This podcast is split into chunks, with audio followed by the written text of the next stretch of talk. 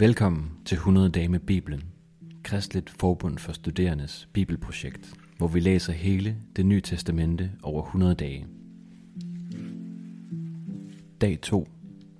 Matteus evangeliet, kapitel 5 til 7 ved Anders Kildal Kæsler.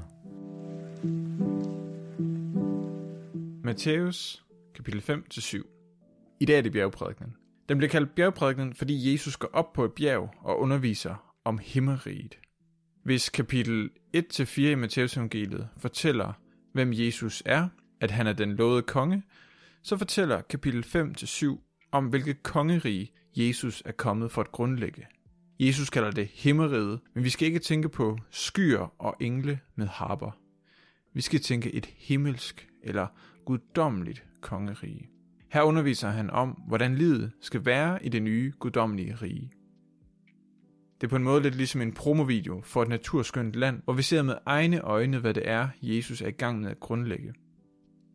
Det er et fantastisk liv, bjergprædikenen vidner om, og det må vi ikke blive for hurtigt færdige med at overveje med os selv. Hvad taler Jesus om? Først nævner han en gruppe af mennesker, som har del i Jesu kongerige.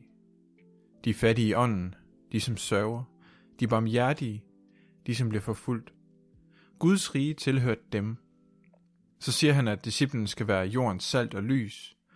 Så siger han, at han ikke er kommet for at forkaste det gamle testamente, men være opfyldelsen på det. Det betyder, at disciplene skal leve efter Guds lov, og leve et bedre liv end farisæerne og de skriftkloge. Så bruger han resten af kapitel 5, kapitel 6 og noget af kapitel 7 til at fortælle om det her liv. Til sidst kommer han med to billeder. Det første billede er to veje og to porte. Den brede port og vej, og den smalle port og vej. Det andet billede er fundamentet på et hus. Et fundament af sand, der ikke kan holde til stormen, og et fundament af klippe, der kan holde til stormen. Jesus iscenesætter sig selv i det hele som den profet, der skulle komme efter Moses. Ligesom Moses kom med de ti bud fra Sinais bjerg, for det gode liv, sådan udlægger Jesus det gode liv på et bjerg. Og Jesus kalder til afgørelse, ligesom Moses gjorde i sin afslutningstale til Israel i 5. Mosebog kapitel 5, hvor Moses siger, Se, jeg stiller dig i dag over for livet og lykken, døden og ulykken. Det er det, Jesus siger. Jeg stiller jer over for livet og lykken, døden og ulykken. Bjergprædikenen er ikke bare en promovideo. Det er også en dybt personlig tale. Der er to veje, to porte, to fundamenter, du kan bygge dit liv på. Lykken eller ulykke. Der er ingen neutral grund. Du må vælge, om du vil leve dit liv i overensstemmelse med lovene i Jesu nye rige, eller om du ikke vil have noget med det at gøre. Og det er også det spørgsmål, vi skal overveje med os selv. Vil jeg være som den kloge mand, der bygger på den sikre klippe, ved at høre Jesu ord og handle efter dem? Eller vil jeg være som tåben, der bygger på usikker grund, med død og ulykke til følge, som nok hører Jesu ord, men ikke handler efter dem. Det er udfordrende ord, for selvom man så gerne vil følge Jesus, uanset hvor smal stien måtte blive, hvem kan så sige, at de ikke bare hører, men også virkelig handler efter bjergprædikens ord? Hvem bliver aldrig vred, begærer aldrig, lyver aldrig, giver altid til den, der beder om hjælp, elsker altid sin fjende, praler aldrig om sin egen godhed, bekymrer sig aldrig eller dømmer aldrig andre – Bjergprædiken er på en gang det smukkeste og mest betagende ideal for et liv, og på den anden side den mest skræmmende målstok for, om vores liv lykkes, om jeg er værdig til for evigt at have fællesskab med Gud. Hvem kan leve sådan et liv? Men måske er det heller ikke det, Jesus spørger efter, at vi kan sige ja og amen til det hele. Hvorfor skulle han ellers lære os at bede, forlade os vores skyld i fadervor? Selvfølgelig ved Jesus, at vi kommer til at få brug for meget tilgivelse, men Jesus siger stadig, at vi skal leve et bedre liv end farisæerne og de skriftkloge. Hvis jeres retfærdighed ikke langt overgår de skriftkloges og farisæernes, kommer I slet ikke ind i himmeriget, siger Jesus. De fleste tænker straks, det vil sige flere gode gerninger og færre forkerte handlinger. Men frem for kvantitet i gode gerninger, så efterspørger Jesus kvalitet. Jesus efterspørger integritet, ikke at vi er fejlfrie. Jesus angriber skinhellighed, hyggeleriet og at gøre det gode udadtil, mens man er fyldt af onde tanker. Jesus siger, du har ikke holdt det femte bud, hvis du har ønsket din bror død i dine vrede tanker. Du har ikke overholdt det sjette bud, hvis du har haft sex med en anden i dine tanker.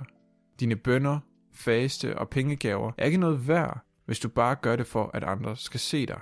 Så at handle efter Jesu ord handler om at leve et integritetsfuldt liv med høje idealer og stor vidsthed om egen mangelfuldhed. Vi må hverken sænke idealerne eller bilde os ind, at vi er bedre mennesker, end vi i virkeligheden er. Men pludselig modstand kan opstå inden i os, når vi hører bjergprædikkenen. Det er jo for vildt. Det kan Jesus da ikke mene. Det er utopi. Det er urealistisk. Men det nye kongerige, vi inviteres ind i, er ikke et resort, hvor vi skal forkæles. Det må vi forstå. Det er et sted for fornyelse, for læring, for forandring. Det symboliseres godt i billedet med vejen og bygningen af fundamentet. Det er ikke noget, der sker med et knips. Det er en vedvarende proces, hvor vi igen og igen må overgive os selv til kongerigets leveregler. Og kun én ting er sikkert. Vi skal ikke blive den samme. Vi skal fornyes. Det er det, vi bliver spurgt om. Vil du gå den vej? Vil du begynde at bygge det fundament? Vi kan gøre det, fordi vi kender kongen, der allerede har lagt sit liv ned i vores tjeneste. Ham, der siger, salige er de fattige i ånden, for himmeriget er deres. Ham, der lærer os at kalde Gud far, og fortæller os, at Gud ved, hvad I trænger til, endnu før I beder ham om det. Det er den Gud, der byder os ud på vores livs rejse. Vil du med? Jeg vil afslutte med at vende tilbage til billedet med salt og lys. For Jesus siger, at når kirken lykkes med at leve efter bjergprædiken, så er den salt og lys. Altså når kirken lever i seksuel renhed, er gavmild med sine penge, har kærlighed til sine fjender, og har en oprigtig og bønsfyldt tro, så er den som salt og lys.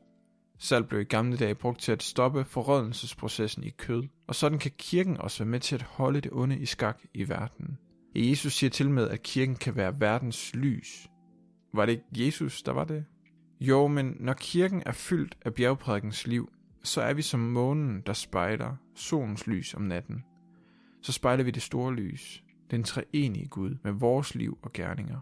Og det kan kun den kirke, som både har gjort Jesu liv til eksempel for deres eget, og som har lært at bede og forlade os vores skyld. Hvis du har lyst til at følge vores læseplan, eller har lyst til at støtte vores arbejde med at formidle Bibelen, så gå ind på kfs.dk-100-dage, eller følg linket i episodebeskrivelsen. Tak, fordi du lytter med.